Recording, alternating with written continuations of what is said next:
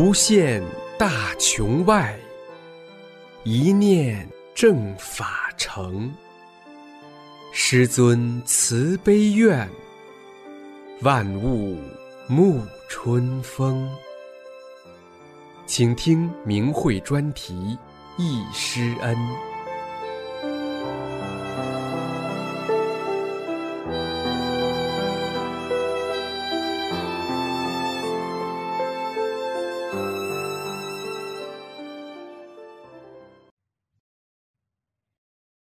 今天文章《与师傅在一起的日子》，作者北京大法弟子。文章发表于明慧网，二零二零年五月十三日。第一部分，有幸参加一期班，身体奇迹痊愈。我自小体弱多病，三天两头去医务室，医生都叫我林黛玉。在我记忆中，几乎没有一天好日子过，不是气管炎，就是胸膜炎。心肌炎、肺炎等等，从小到大一直疾病缠身。一九九零年，我的心脏突然感到不适，就到北京阜外心血管专科医院检查，诊断出心律失常。医生马上要求住院，却检查不出来病因。那时我的心跳每分钟只有四十多下，早搏每分钟三十多个，用各种药物都无法控制住早搏，出现过几次生命危险。这样，我在医院住了四个月，却没有任何好转。后来转到其他医院也无计可施，并再次出现了生命危险。我被抢救过来后，要求家人接我出院，放弃了在医院的治疗。回家以后，我每天只能躺在床上靠吸氧维持生命，生活不能自理，家里的大小事都得依靠先生。我整日以泪洗面，却无法改变这一切。真有生不如死的感觉。一九九二年，同事给我介绍说有一个非常好的功法马上要开班，推荐我去。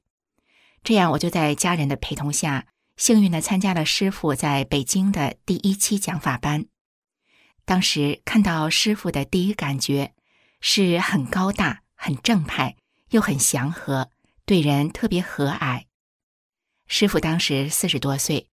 但看上去就是一个非常精神、非常朴实的小伙子。第一期班有两百多人参加，我的学员证号码是九十九号。在听师傅讲课当中，我明白了人来到世上的目的是返回先天的本性，最后返本归真，按照真善忍的标准去做个好人。我之前学的气功中。哪个气功师也没有讲过这些做人的道理，所以我感到了师傅的与众不同和师傅的正派。在师傅给学员们调理身体的时候，我能感受到法轮在我身上旋转，在帮我调整身体。我还能闻到整个大厅里都有一种非常好闻的檀香味儿。有一次，我闻到自己身上发出很浓的中药味儿，当时还奇怪自己已经停药了。为了治病，我曾吃了一年多的中药，为什么还会有这么浓的中药味呢？后来听师傅讲法才知道，是师傅在帮我清理身体，把我病灶上的不好的东西都打出来了。一次，师傅说要给学员下法轮，让大家都伸出手来，我也伸出手。师傅问大家感觉到什么？我感觉到手心发热，有法轮在飞转。每次看到师傅总是那么慈祥、耐心的解答学员的问题，我心中有种说不出来的感动。在这个祥和的场里，心情特别轻松，内心感到前所未有的平静，因为病痛积攒的一些怨恨和苦恼也全都消失了。几天班下来，我的身心就发生了很大的变化，我竟然能自己打车去学习班。不久，发现心跳和心律失常的症状都有很大改善。经过一段时间的修炼后，我的身体完全恢复了健康。之后，我又参加了师傅的第二期讲法班。在结束的那一天，大家都围着师傅合影、签字留念。我也请师傅为我签字。师傅在一张纸上写下了两行字，就是师傅后来出版的《红银》这本书里面的。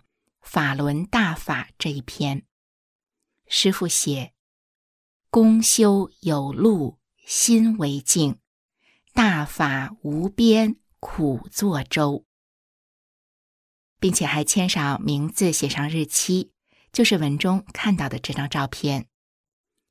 这张珍贵的师傅签名，我保留至今。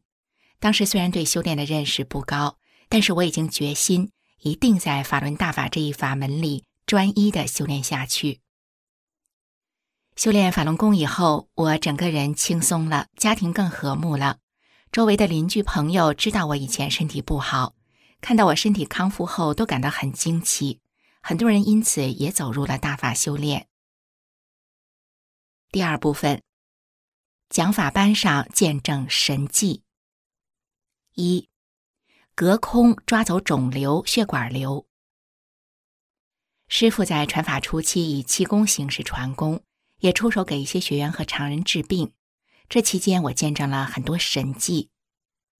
我有一个亲戚，因为肚子不舒服上医院检查，结果发现是一种罕见的葡萄状子宫肌瘤，无法直接切掉肿瘤，只能做手术摘除子宫。当时他还年轻，不想失去生育能力，所以来学法班，请师傅帮助调整身体。师傅在给他拿掉肿瘤的时候，只是隔空抓了几下，他感觉到有一种无形的力量，像在拔丝一样的从他肚子里往外拔东西。拔了一会儿，肚子就觉得轻松了。后来他再上医院检查，瘤子真的神奇消失了，没有花一分钱，也没有做手术。现在这么多年过去了，他一直很健康。一次，师傅在二炮礼堂举办的讲法班，一个四十多岁的女学员来找师傅治病。她的脖子上长了一个比较大的血管瘤，因为长在气管附近，医院说太危险，不能做手术。师傅了解情况后，就让她站在对面，用手在她脖子的部位，也是很轻松的隔空抓了几下。周围的几十人都眼看着他的瘤子逐渐变小，最后就像消失了一样。整个过程大约只用了几分钟，围观的人都很惊讶，也都为这位学员感到高兴。这个女学员回家以后吐出了很多血块子和粘稠的东西，之后就完全康复了。二，师傅当场治好聋哑小孩。还有一件印象很深的事，也是在二炮礼堂。当时师傅和女儿从后台出来，一位年轻父亲带着一个五六岁的小男孩，很有礼貌地拦住了师傅。小孩长得很可爱，圆圆胖胖，两只大眼睛水灵灵的。可是小孩爸爸说，孩子是个聋哑人，一点都听不见，对周边声音什么反应也没有，也不会说话。他恳求师傅给小孩治一治。师傅很和蔼地说：“好吧。”接着，师傅看了看孩子的耳朵，开始帮助他调整身体。师傅在小孩身边隔空抓了两下，然后叫自己女儿走过去拍拍那聋哑小孩的耳朵，左右都拍了几下。一开始，小孩还有些委屈，可能觉得小女孩拍他了，不乐意了。不一会儿功夫。神奇的事情发生了，师傅跟小孩说话，让他数数，数五个数。结果孩子真的听到了师傅的指令，而且真的发出了声音，清晰的读出了数字。孩子的父亲见状非常惊喜，感动的扑通跪在地上，不断的磕头感谢师傅。当时我和一位学员也在场，我们在一旁都看呆了，也非常激动。这一幕到现在我也忘不了。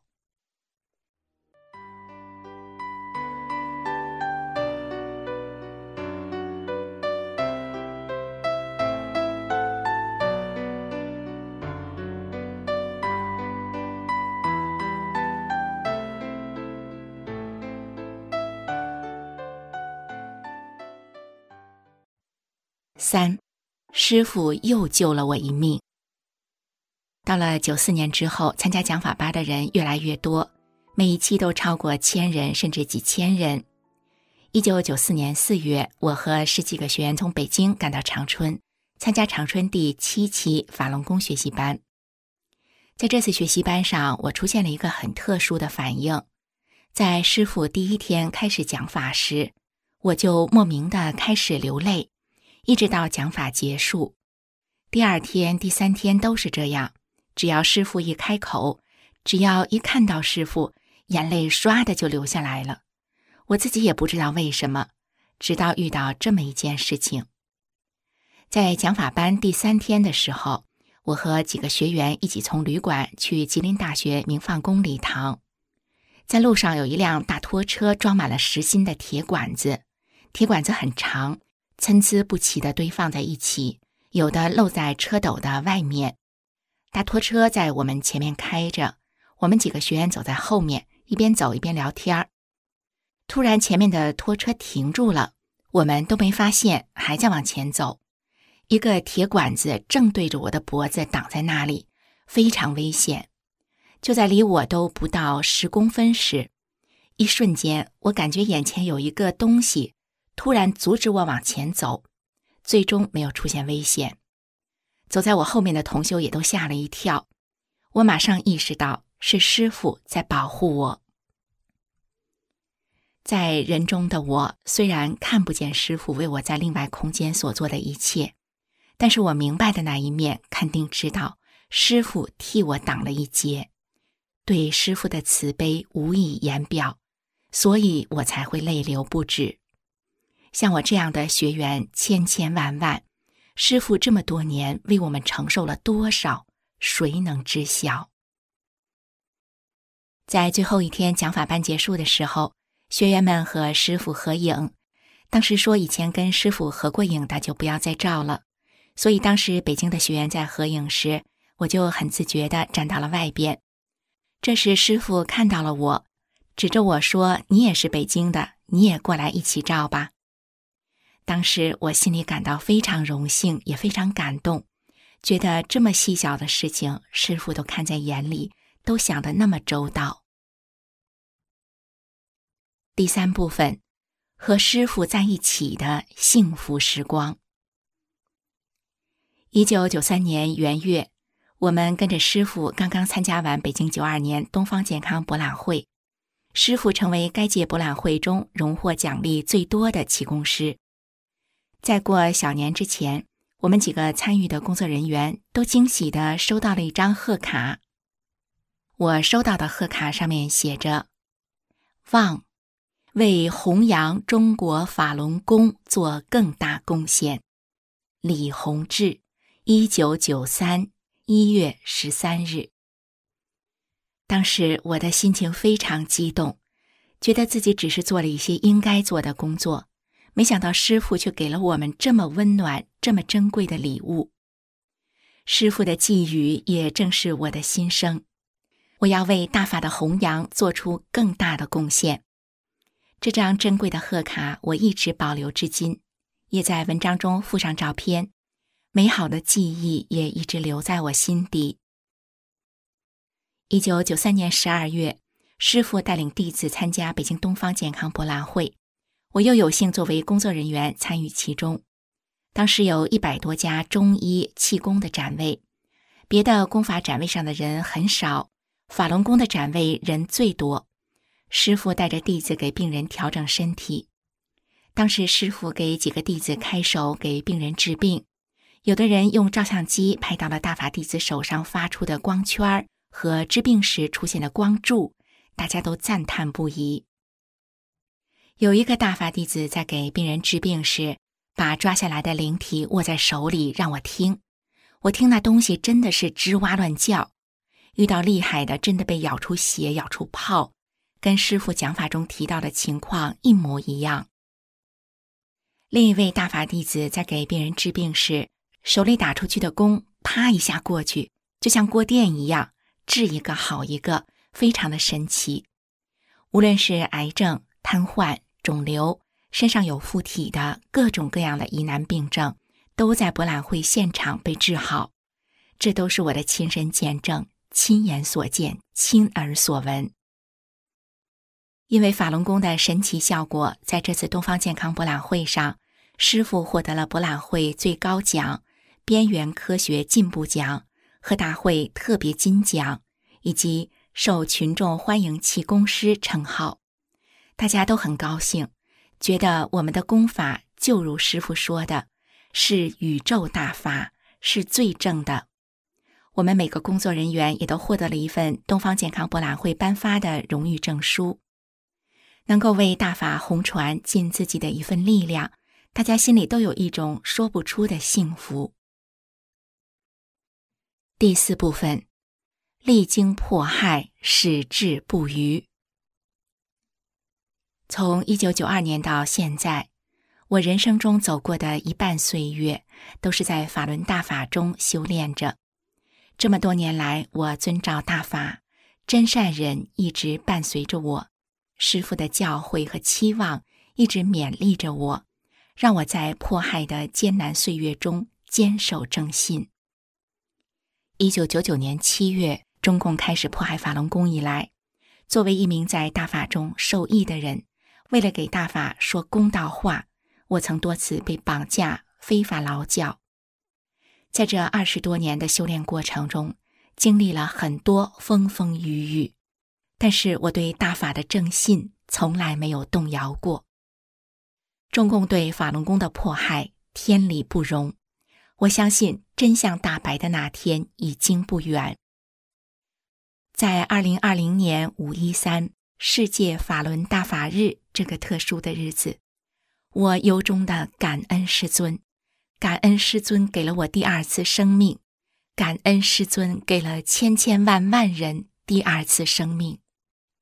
师父在精进要旨拜师经文中说：“我红传即是普度。”但是谁又能体会到这句话的真正含义？普度背后的承受，普度背后的付出。普渡背后的无量慈悲，都无法用人类的语言去描述。感恩师尊传出这么美好的大法，给了十恶毒世中的世人一次走向希望和光明的机会。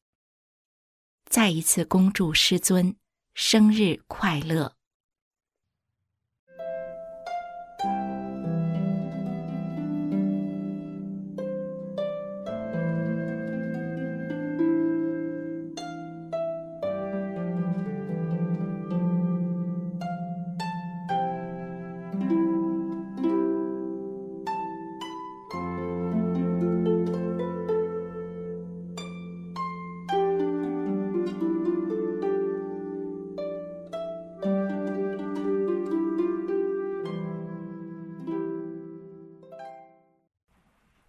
听明慧忆师恩专题文章，题目是《见证师父在贵州传法时的神奇美好》，作者贵阳大法弟子静莲。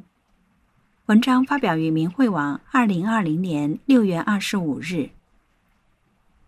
我是退休医生，一九九三年很幸运得法修炼，曾参加过师傅的四次传法班，一次师傅给辅导员讲法。共五次见到师傅，聆听师傅讲法，沐浴佛恩，亲身感受师尊的伟大慈悲，见证大法的神奇殊胜和美好。第一部分：五次亲见师面，沐浴师恩。一九九三年五月，法轮大法在贵州红传的第一期传法班的第三天，偶遇念小学时的一位老师，在他的引导下。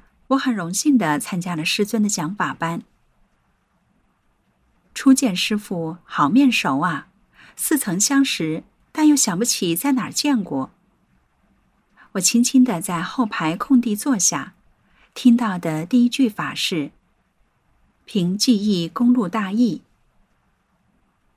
有练过其他气功的人进到我这个班，只要你真心修炼法轮功，我都会管你。会给你清理身体，调整身体，好的留下，坏的去掉，保证你在我这一门中修炼。真神了！师傅知道我练过别的功，我终于找到师傅啦。我深深的被师傅的法理所折服，师傅的法句句打动我的心，使我明白了在人生当中许多想要明白而又不得其解的问题，比如，人为什么会得病？为什么我总是被别人欺负？都是自己生生世世的业力造成的。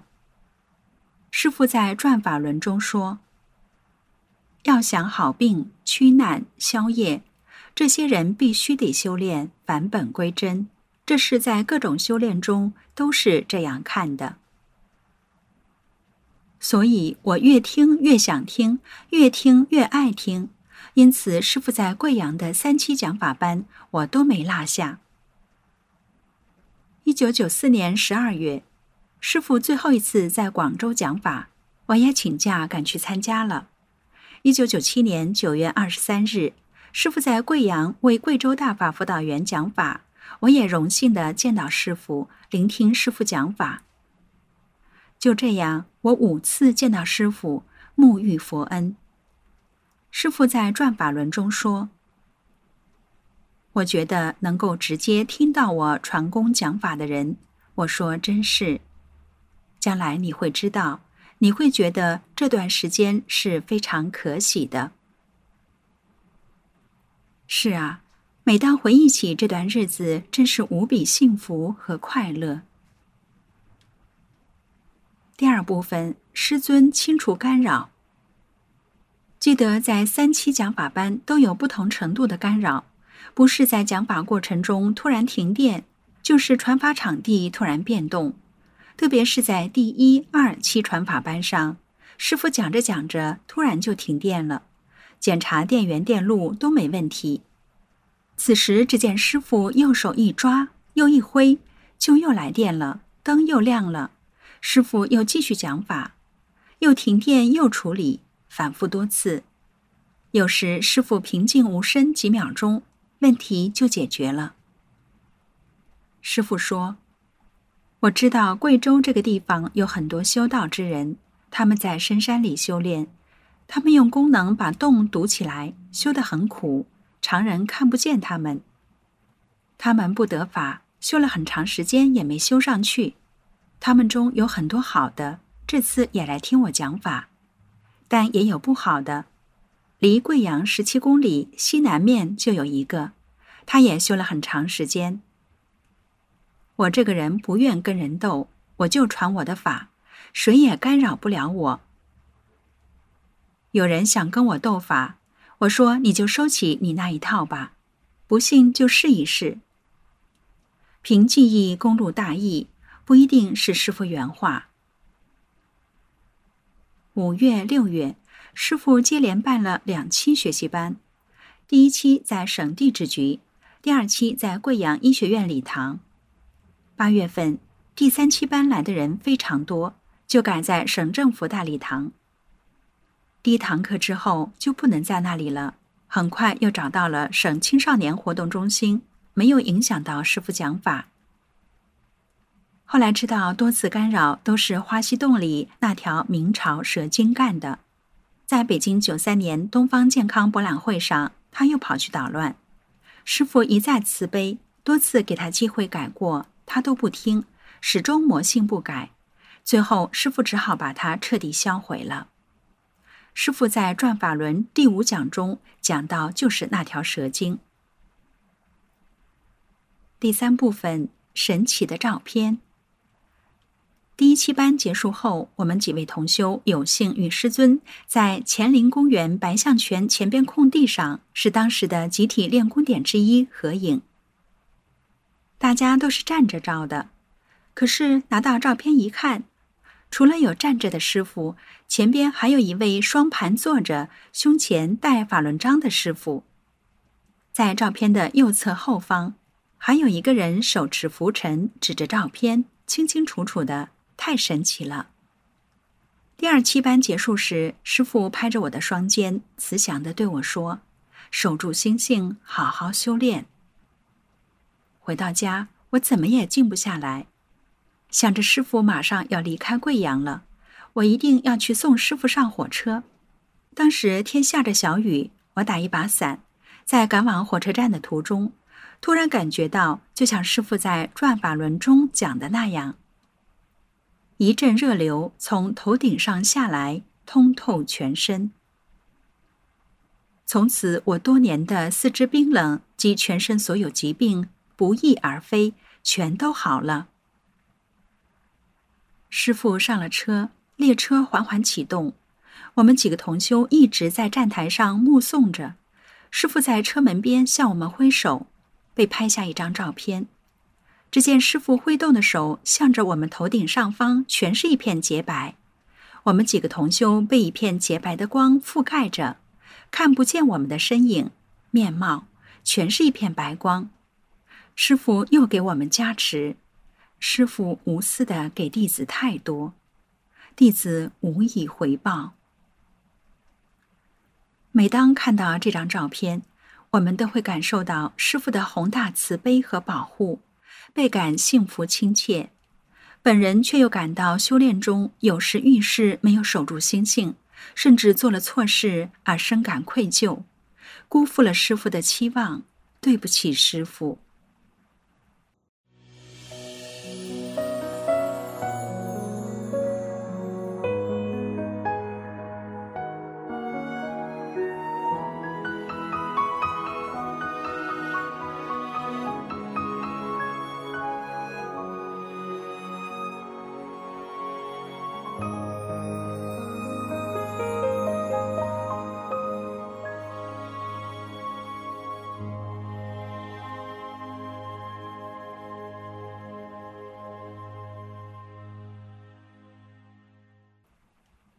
四部分，师尊为我净化身体。师父在转法轮中说：“我们是清理身体，名词也不叫治病，我们就叫清理身体，为真正修炼的人清理身体。修大法之前，我身患多种疾病，脑挫伤后遗症、颈椎病、萎缩性鼻炎、肺结核。”类软骨炎、风湿性关节炎、左侧肾积水，经常浮肿，四肢冰冷，还经常感冒，长期不离针和药，面色无光，且又黑又瘦，人显苍老。修大法后很短时间，在不知不觉中，我所有疾病不治而愈，红光满面，精力充沛，从此与药无缘，重新获得新生。比实际年龄又年轻了许多，心情也变好了，整天乐呵呵的。同事和亲友目睹我的变化，都为我高兴，同时纷纷走入修炼。在第二期班结束后的一天下午，我在家打扫卫生，一边哼着歌曲，一边拖着地面，突然一下子胃里像刀割似的疼痛，痛得在沙发上打滚。一会儿功夫，全身衣服都被汗水湿透了。丈夫和儿子急得团团转，要找车送我去医院诊治。我说不去医院，这不是病，是师傅在给我净化身体，驱除病根。痛得实在受不了了，我喊着：“请师傅帮帮我！”话音刚落，唰一下就不痛了，像什么事都没发生一样。我拾起拖把，又开始拖地。一旁的父子俩连声说：“太神奇了！刚才痛得那样吓人，你一喊师傅就不痛了。要不是亲眼所见，谁会相信？”还有一次，早上去上班还好好的，突然就开始腹泻，一趟接一趟的跑厕所，同事都叫赶快吃药。我说没事，不好的东西排出去就好了，别管它。师傅在《转法轮法解》中说了。有的人连拉带吐的，反正是要给你身体内脏都要净化下来的，你才能真正修炼的。中午我没吃东西，整整一天拉了几十次肚，可是我却很精神，跑完厕所照常上班给病人治病。另外两位医生都说，奇了，按常理像你这样不停的腹泻，没有做任何治疗，又没有吃东西。如果是一般人，早虚脱了，可是你却越拉越精神，还红光满面的，法轮功真神奇。后来他们和我一起练了一段时间，各自都从中受益。修炼法轮大法在我身上发生的奇迹太多了。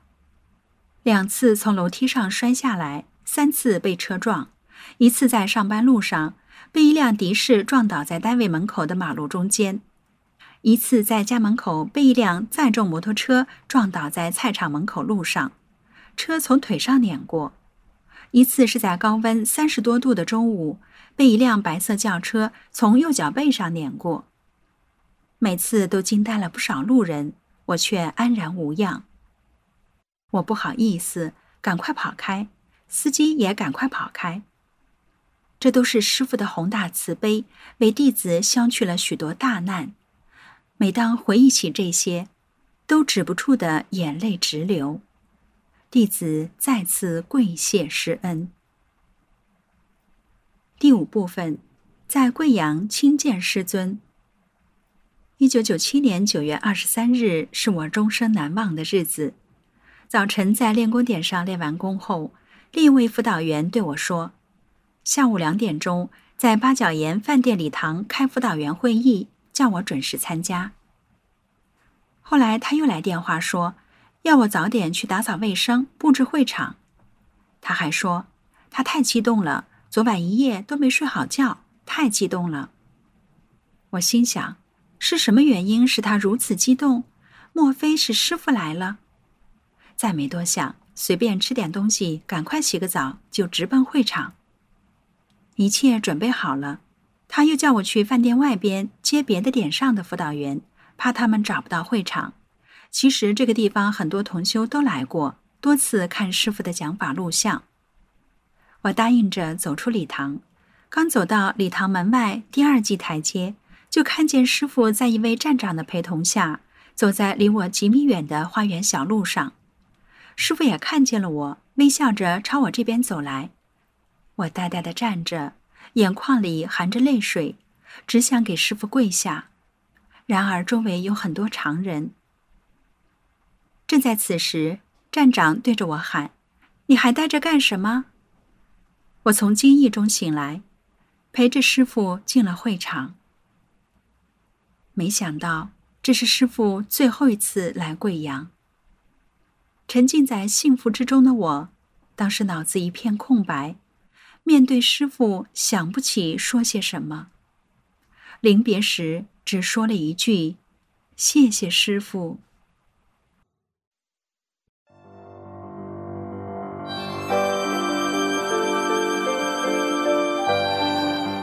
这一期的一师恩就到这里，谢谢收听。